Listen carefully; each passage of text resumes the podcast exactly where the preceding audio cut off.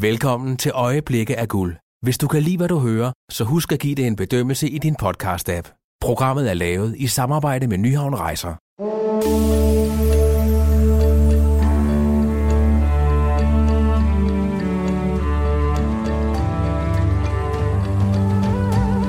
Velkommen til Øjeblikke af Guld. Du lytter til den tredje ud af syv podcast, der kommer ud til de fjerneste afkroge i verden. Mit navn er Benedikte Balling. I den her podcast skal vi på jagt efter folkesjælen og passionen i Sydamerika. Vi skal til Buenos Aires i Argentina, hvor tangoen danses i gaderne og på barerne i bydelen La Boca. Jeg oplevede at komme rundt, øh, gå rundt om et gadehjørne, og lige pludselig står der to og, og danser tango og en masse tilskuere. Altså, man kan jo ikke lade være med at blive smittet lidt af det, når man er i Buenos Aires. Øh, så der er jo rigtig mange muligheder for at komme ind og prøve at lære at danse tango. I Brasilien er der én ting, der går forud for næsten alt andet. De er vilde med fodbold, og det er nærmest synonym med den brasilianske folkesjæl. Vi skal med ind på lægterne på Maracanã stadion, hvor der spilles lokal opgør imellem Flamengo og Flaminenses. Her er der fest, farver og forrygende fodbold. Alle vifter med det samme øh, flag og så videre, øh, og øh, man, man kan bare se, at på et øjeblik, der er alt øh, hverdag, det er bare glemt. Det, det handler kun om fodbold og om at hygge sig nu her. Vi skal ud på Inca-stien i Peru imod Machu Picchu og træde ind igennem solporten og se solopgangen. Her er en helt spektakulær udsigt over dale og bjerge. Øhm, og der er stille, øhm, fordi du er ikke den eneste, der har den her, der har mistet pusten ved at se det her syn. Så folk er bare stille, og de står i flere minutter bare og nyder udsigten. Skal man opleve den argentinske folkedans tango helt tæt på, er Buenos Aires stedet, man skal søge hen. Dansen opstod her i 1800-tallet og vagte i begyndelsen en del forarvelse, fordi den var så fysisk og lidenskabelig. Langsomt, men sikkert blev tangoen acceptabel i løbet af 1900-tallet og har siden vundet indpas over hele verden. Rejseeksperterne Anne Grandal Lauritsen og Lasse Vest fra Nyhavn Rejser fører an i den lidenskabelige dans fra Argentina, der i 2009 blev fået til UNESCO's liste over verdens kulturarv. Men altså, så kommer jeg gående ned ad gaden, og øh, begynder så lige pludselig at kan se, at øh, så er der en, der svinger rundt. Jeg ser lige sådan strejfet af en rød kjole, øh, og søger det sådan lidt, og øh, kommer så hen og ser det her par, der står og, og danser tango øh, ude midt på gaden. Og det får mig bare til at stoppe op, og jeg tror, jeg tager mig selv i, at jeg står med åben mund og er helt fortaget af den her dans her. Øh, og det var første gang, jeg tænkte, wow, det skal jeg se lidt mere af. Øh, og det er de ting, som man oplever som, som gæst øh, i Buenos Aires, øh, foregår på små gadehjørner. Øh, man vil også kunne komme ind i en butik og så høre øh, tango i baggrunden. Øh, så på den måde, der, der fylder den meget. Tangoen fylder rigtig meget for en argentiner, fordi der er altså det der længsel og, og, og omsorg som for hinanden. Gennem tangoen kan man samles, og, og så har man et fællesskab hvor man øh, snakker om alt muligt, og, og det, det virker sådan meget afslappende. Fortæller Claudio Vilches, der er født og opvokset i La Boca i Buenos Aires, men nu bosat i Danmark. Claudia er stadigvæk familie i Argentina, og han besøger dem så tit det kan lade sig gøre. Længsel for at komme tilbage til sine rødder forsvinder aldrig, fortæller han, og ser her tilbage på tangoens begyndelse det blev ekstremt populært i 1850 til, til 1900, og, hvor der kom ekstremt mange immigranter fra Europa, blandt andet Spanien, navnlig Spanien og Italien. Og så kom mange fra Skandinavien dengang, som rejste øh, på grund af fattigdom og for at søge lykken i Sydamerika. Navnlig for Buenos Aires, Capital Federal, hvor tangoen opstod i La Boca, som er en kæmpe... Øh, dengang var en af Argentinas største havne, hvor de store skibe fra Europa lå til. Så er der jo alle øh, de lokale milongas, øh, som er der, hvor øh, de lokale argentiner de, de går ud og, og, og, og danser. Øh, man kan kalde det en slags klubber. Øh, det er typisk øh, ret sent på aftenen. Det kan være fra klokken 10 og, og, og derefter. Så øh, møder man op i en, en milonga, og, og, og så går det lidt ud på at, og, og danse. Øhm, øh, som, som, som turist på Buenos Aires, der er man velkommen til at komme ud og besøge de her steder, og, og det kan også sagtens være, at der er en, der kommer hen og, og byder en op, og man kan få lov til at prøve at være med til at danse tango. Så, så det, det er meget, meget udbredt i, øh, i, i, i Buenos Aires. Altså, nogle gange, når man ser de lokale danse, så tror man måske bare, det er sådan helt tilfældigt. Men det er det altså langt fra. Der er forskellige danse og trin, man skal have styr på. Man skal jo ikke træde hinanden over tæerne. Og det kommer man altså til med tankoen. Så, så jeg synes helt klart, at er man i Buenos Aires, så er det en must at gå ind og prøve at få sådan en, øh, en, en time eller to øh, at lære at danse tango. Jeg prøvede at danse tango på, på en lokal øh, milonga, og det var en fantastisk oplevelse. Det er sværere, end man lige tror. Det er det.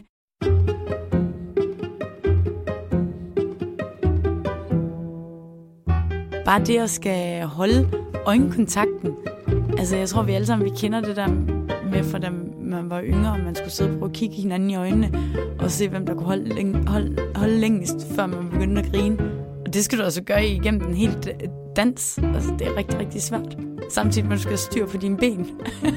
den, øh, den generthed, man, man kan have hjemmefra, øh, hvis der pludselig var en, der byder op på gaden til en, øh, til, til en dans, øh, til en tango, øh, øh, den, den, den har man ikke på samme måde, fordi vi er ligesom alle sammen i samme båd, og, og det man oplever på øh, i sådan en milonga, det er jo, at det er jo alle typer, som danser. Der er nogen, der først lige er startet, og, og som ikke danser specielt særlig godt, og så er der jo øh, nogen, som danser helt fantastisk, øh, øh og, og som tydeligvis har gjort det, siden de var, de, de var små. Øh, så lige pludselig er man bare en del af det, og, og, og øh, der er ikke nogen, der alle synes, det er super, super fantastisk, at, at man har lyst til at prøve øh, og, og, og dele deres passion for, for, for tango. Tangomusikken, den kendetegnes jo ved, at den taler til følelserne. Nogen har sagt, at tango er en trist tanke, der danses. Men dansen, den står jo ikke alene. Det er musikken, der driver det hele. Marie Værme er fra Sverige og spiller akkordeon. Marie har spillet tangomusik i 15 år i mange forskellige konstellationer og har været meget optaget af lige netop den type musik. Den traditionelle tango er jo som et stykke popmusik, altså det er en A-del, en B-del, en C-del og tilbage til A. Og de varer som regel tre minutter. Og når de danses og spilles, så spiller man tre tango, og så spiller man så tre valse, hurtig valse, og så har man tre milongaer som er en hurtig version af tango. I tangomusikken der bruger man jo øh, som regel to forskellige taktarter. Det er tre fjerdedels takt vals, og så er det en øh, firedel takt, fire ottendele eller fire fjerdedele, som man øh, bruger. Og så er det et forskel i på øh, tempo mellem en traditionel tango og en milonga. Øh, og den har mere øh, latinamerikanske rytmer.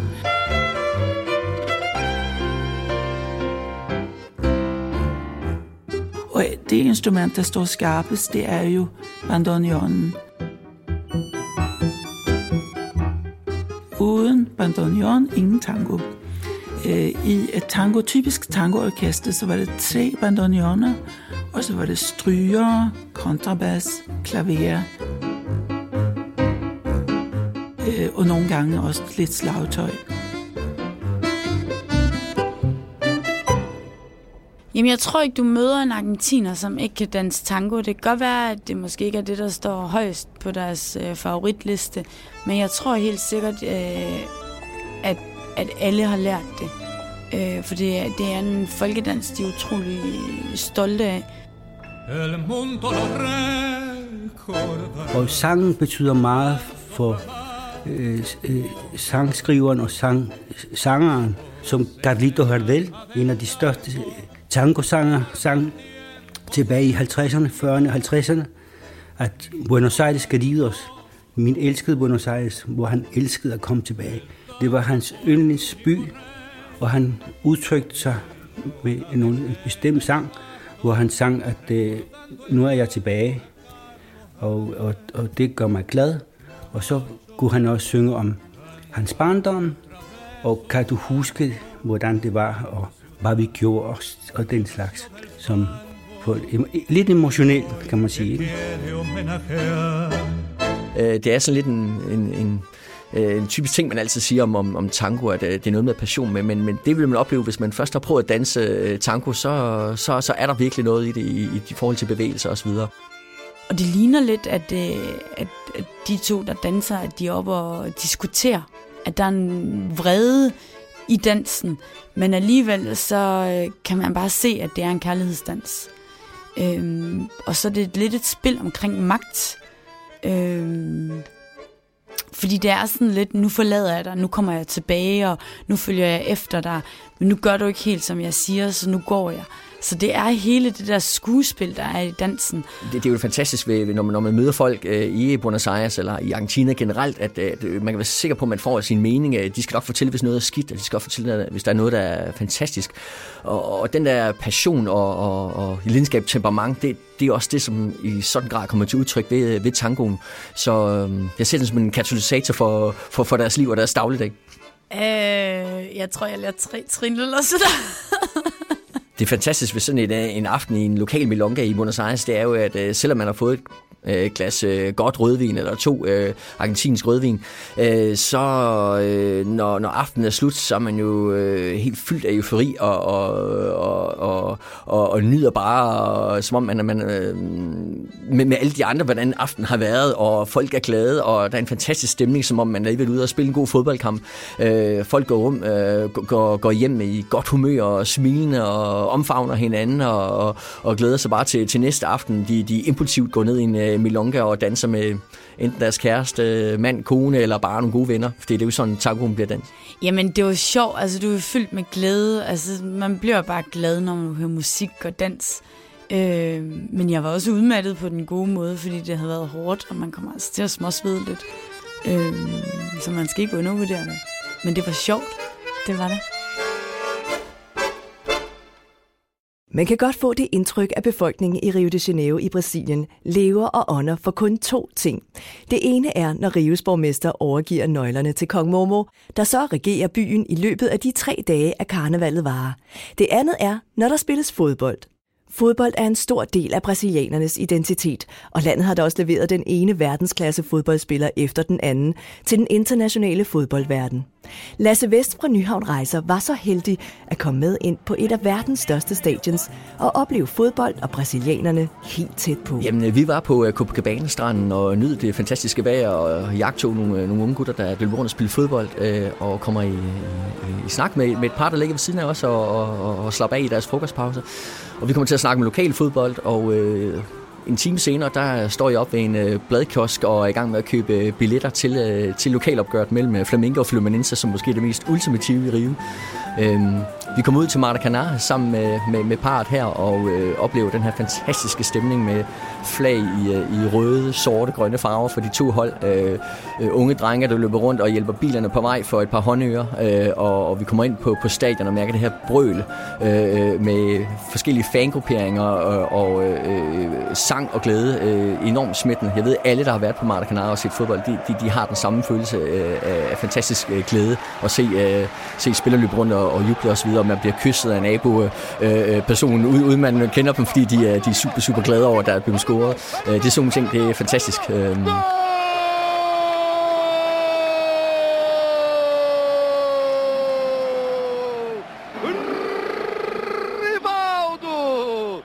At fodbold ligger alle brasilianernes hjerte nært, fortæller det her klip med en brasiliansk fodboldkommentator med al tydelighed.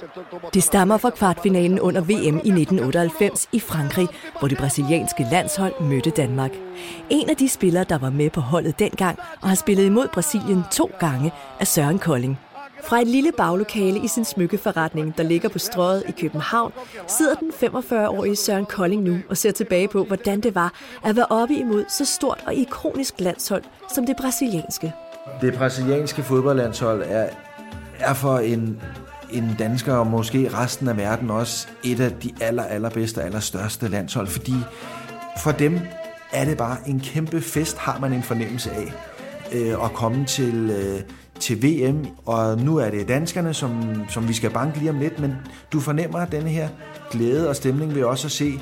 Øh, du blev næsten båret hen på vejen i, i, i bussen af brasilianske tilskuere, som danser og huer og vejer øh, på vej hen til stadion. Så en, en, jeg husker det som en, en utrolig stor oplevelse, og på ingen måde øh, ond stemning eller noget. Tværtimod en masse mennesker, der glæder sig til at komme til en kæmpe fodboldfest. Jamen altså, i, i, til at starte med, når man sidder på stadion, så, så sidder man lige og jagt til, og man er helt klart turisten, der er på besøg i, i deres øh, kan man sige, baghave.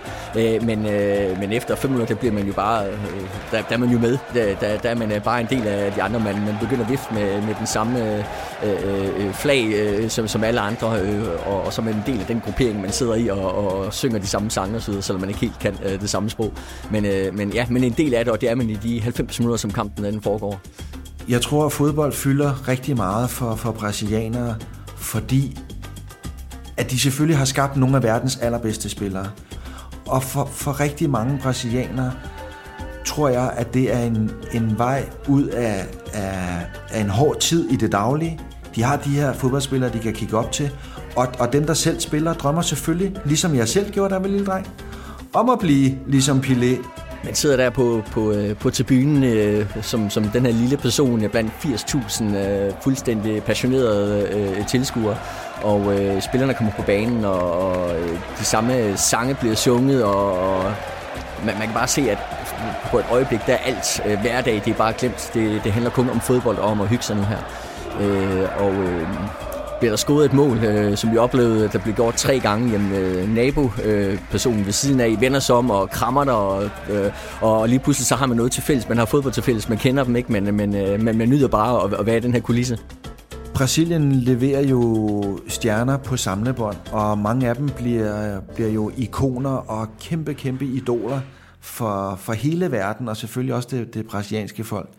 Øh, og det tror jeg er, fordi de kan noget helt specielt.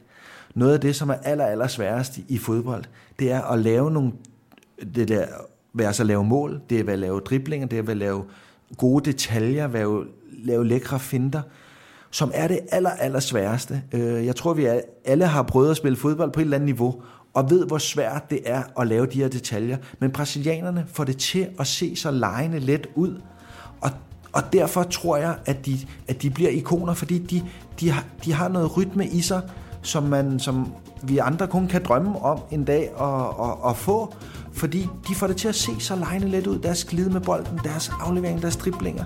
Øh, og, og derfor tror jeg, at de, at de kan skabe fodboldspillere af verdensklasse på samlebånd det fascinerende ved sådan en oplevelse, som, som, som jeg havde her i Rio, det er, at, at, at, at, at fortælle alt om brasilianerne, hvordan de, øh, de går op i deres ting, og hvordan de så meget øh, gerne vil have, at, at vi andre også oplever det samme, og, og mærker det, som, de, øh, som, som også gør dem glæde.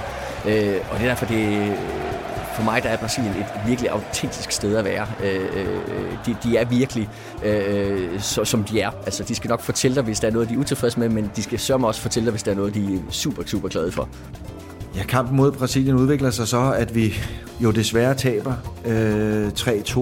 Øh, og når man sådan her kigger tilbage mange, mange år efter denne her kamp, egentlig sidder med en, en blandet følelse af stolthed, og, og, og det med at være meget ærgerlig over, at vi rent faktisk tabte den kamp, fordi man har måske aldrig været så tæt med et dansk landshold og faktisk komme i en VM-semifinale.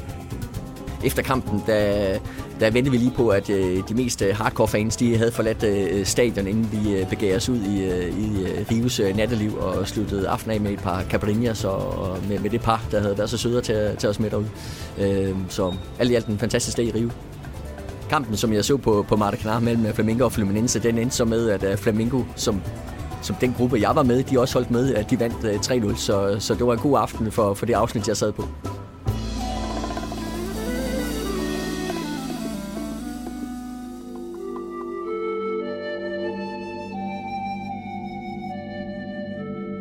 Nu lægger vi fodboldstøvlerne på hylden, tager vandreskoene på og går i indkernes fodspor imod Peru, som ligger i den vestlige del af Sydamerika. Ligegyldigt om du befinder dig i Lima eller Andesbjergene i Peru, kan man fornemme, at det er et folkefærd med stolte rødder, der går langt tilbage i tiden. For folkesjælen i Peru ligger i deres historie. Største del af befolkningen i Peru går stadigvæk rundt med den meget karakteristiske folkedragt, fortæller Anne Grandal Lauritsen for Nyhavn Rejser. Det, der er så specielt ved de her folkedragter, det er de her skarpe farver, de her øh, øh, skarpe røde og blå og gule farver, at øh, man, man får næsten helt smil på læben, når man ser en af de her lokale, der går rundt.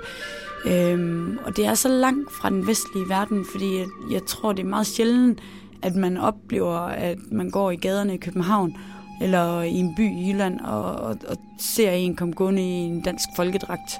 De, de, igen, de er det her stolte folkefærd, øh, ikke kun af deres land, men også af deres historie omkring hele inka og historien omkring det. Øhm, og man kan jo sige, at de er jo så også blevet belønnet med det, at, øh, at Machu Picchu er blevet en af verdens syv øh, vidunder. Det er jo et kæmpe øh, massivt øh, bygningsværk, som øh, inkerne byggede. Nu skal man lige tænke på, at der har været mange inka-herskere, og en af de rigtig store inka-herskere, som hedder Pachakutik, det er ham, der begynder at lave de store erobringer. Så Inkariget faktisk strækker sig fra det sydlige Colombia, Ecuador, Peru, Bolivia, Argentina, en del af Argentina og en del af Chile. Fortæller den 70-årige antropolog og arkeolog Inge Schellerup, der er tilknyttet etnografisk samling på Nationalmuseet og specialist i inka-kultur. Inge har rejst i Sydamerika over 50 gange. Derfor har hun også fået tilnavnet Inka Inge, mens andre bare kalder hende for den danske Indiana Jones. Fordi hun har brugt det meste af hendes arbejdsliv på at finde gamle ruinbyer i Sydamerika. Pachakutik synes, at han skulle have øh, nogle pæne steder, hvor han kunne komme. Faktisk ligesom landsteder. Så han øh, beslutter at bygge flere landsteder, hvoraf Machu Picchu er et af dem. Og Machu Picchu bliver bygget fra omkring år 1475. Og det ligger jo et fuldstændig vidunderligt sted i det, der hedder Serra de Montaña, som også betyder djunglens øjenbryn. Og måden, man kommer der til, det er jo øh, den kendte Inka-sti, som øh, tager fire dage at gå. Øh, heldigvis i dag har man så formået og kan lave helt ned til to-dags øh, ture og dags, dagsture for at komme op og se det. Men når man går øh, Inka-stien øh, eller nogle af de andre stier, som fører til Machu Picchu, Jamen, øh, den sidste dag står man jo op øh, midt nat øh, og går det sidste stykke og øh, går ind igennem solporten. Og når man når solporten, jamen så passer det typisk med, at øh, solen er ved at stå op.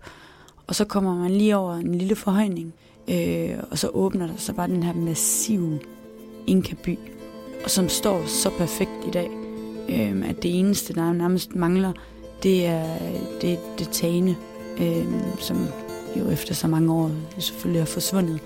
Machu Picchu betyder i virkeligheden det gamle bjerg. Og det ligger mellem to bjergtoppe, ligger på en sadelryg. Machu det gamle og Huayna det nye. Machu Picchu blev opført ud fra en helt fastsat byplan. Det var et astronomisk sted, det var et religiøst sted, det var et kongeligt sted, og det var et sted for embedsmændene. I dag har man faktisk fundet ud af, at det kun er 40 procent, man ser af Machu Picchu. 60 procent ser man ikke. Det er dræningslag af forskellige lag af sten og underjordiske kanaler, der simpelthen har skulle føre vandet væk. Hvis Machu Picchu ikke var blevet bygget på den måde, så var det simpelthen faldet sammen, fordi det netop ligger i junglens øjenbryn, hvor der er mindst 2-3.000 mm vand hvert år. Så de har haft nogle enestående arkitekter og ingeniører til at opføre selve stedet. Jamen altså, når du når den der ved solopgang, så... Øh, man ser jo det sådan lidt i sådan noget... Jeg vil ikke sige tusmørke, fordi det er jo blevet lyst, men sådan lidt øh, skumring, øh, som vi kender sådan lidt, når mosekonen brygger herhjemme. Øh, men så stille og roligt, så kommer solen jo hen over bjergtoppene, og øh, for hver minut, der går, når den jo længere og længere ned, og så begynder farverne jo virkelig at spille igennem. Øh, den har lidt den her øh, orange morgenglød farve, øh, og samtidig med har du den her blå himmel. Øh, og ikke nok med, når du står og kigger på Machu Picchu, så har du bjergkæden og bjergene om i baggrunden, men samtidig med, så kommer solen stille, stille frem øh, over sådan en bjergklippe. Så det er... Øh, det er for vildt. Det er det. Machu Picchu blev bygget, fordi inkaherskeren Pachacutec havde fundet et fantastisk sted til at bygge området, indkaldte sine arkitekter, ingeniører til at se på det først, og derpå blev denne fuldstændig eksakte byplan lavet, og man gik i gang med at nivellere området, bygge hele den underjordiske del, som var alle disse dræningslag af sten, og ovenpå så byggede man jo selve de forskellige dele, der var til den kongelige del, præsteskabet, embedsmændene og så landbrugsterrasserne. Da jeg så Machu Picchu, jeg tænkte bare, nej, nej, nej. Jeg har set alle de her billeder, men man kan, man kan slet ikke forestille sig, hvordan det er i virkeligheden. Altså, det er noget, der skal opleves. Man står der, og jamen, helheden, det får du aldrig med på billeder, du får du aldrig med på video. Fordi det her med, at du kan mærke luften, og du kan mærke øh, suset, øh, så du får den her øh, helt naturlig øh, mister man bare pusten, og Jamen, det er overvældende. Altså, det er virkelig overvældende, når du får det, når du får det første syn af Machu Picchu. Man havde ikke noget pengesystem. Der var ingen penge. Alt det foregik ved naturlig økonomi. Så det vil sige, at når Inkaen beslutter sig for at bygge sådan noget som Machu Picchu, så siger han simpelthen, måske til en bestemt befolkningsgruppe, nu kommer I her og arbejder så også lang tid for mig for at opføre det her sted. Det var, som man jo også har tit har sagt i Danmark, noget for noget. Og det gjorde man netop ved at afholde nogle kanonfester for dem, som arbejdede for indkærende. Og man har netop i nogle af disse administrationscentre fundet øh, et hav af keramik, som viser, hvordan de er blevet beværtet og ikke mindst bedrukket, fordi de simpelthen jo måtte gøre noget til gengæld. Og det gjorde man ved at afholde disse fantastiske fester, hvor de fik alt det at spise og drikke, som de overhovedet kunne. Øhm, og der er stille Øhm, fordi du er ikke den eneste, der har den her, der har mistet pusten ved at se det her syn. Så folk er bare stille. Og de står i flere minutter bare og nyder udsigten, nyder indtrykkende øh, morgenbrisen, der kommer ind og, over der. Øhm, at solen bare lige så stille varmer hele paladset op, og, og nu starter der en ny dag. Øhm, og det er lige før, når du står der i den her stillhed, at du ligefrem kan se indkærne rende rundt dernede og begynde lige så stille at vågne op. Og samtidig med de her lamaer, der står og, og græsser og, og få det til at virke så naturligt og så, så, så livligt. Øhm. Jamen, det, det er en oplevelse. Det er noget, der skal opleves.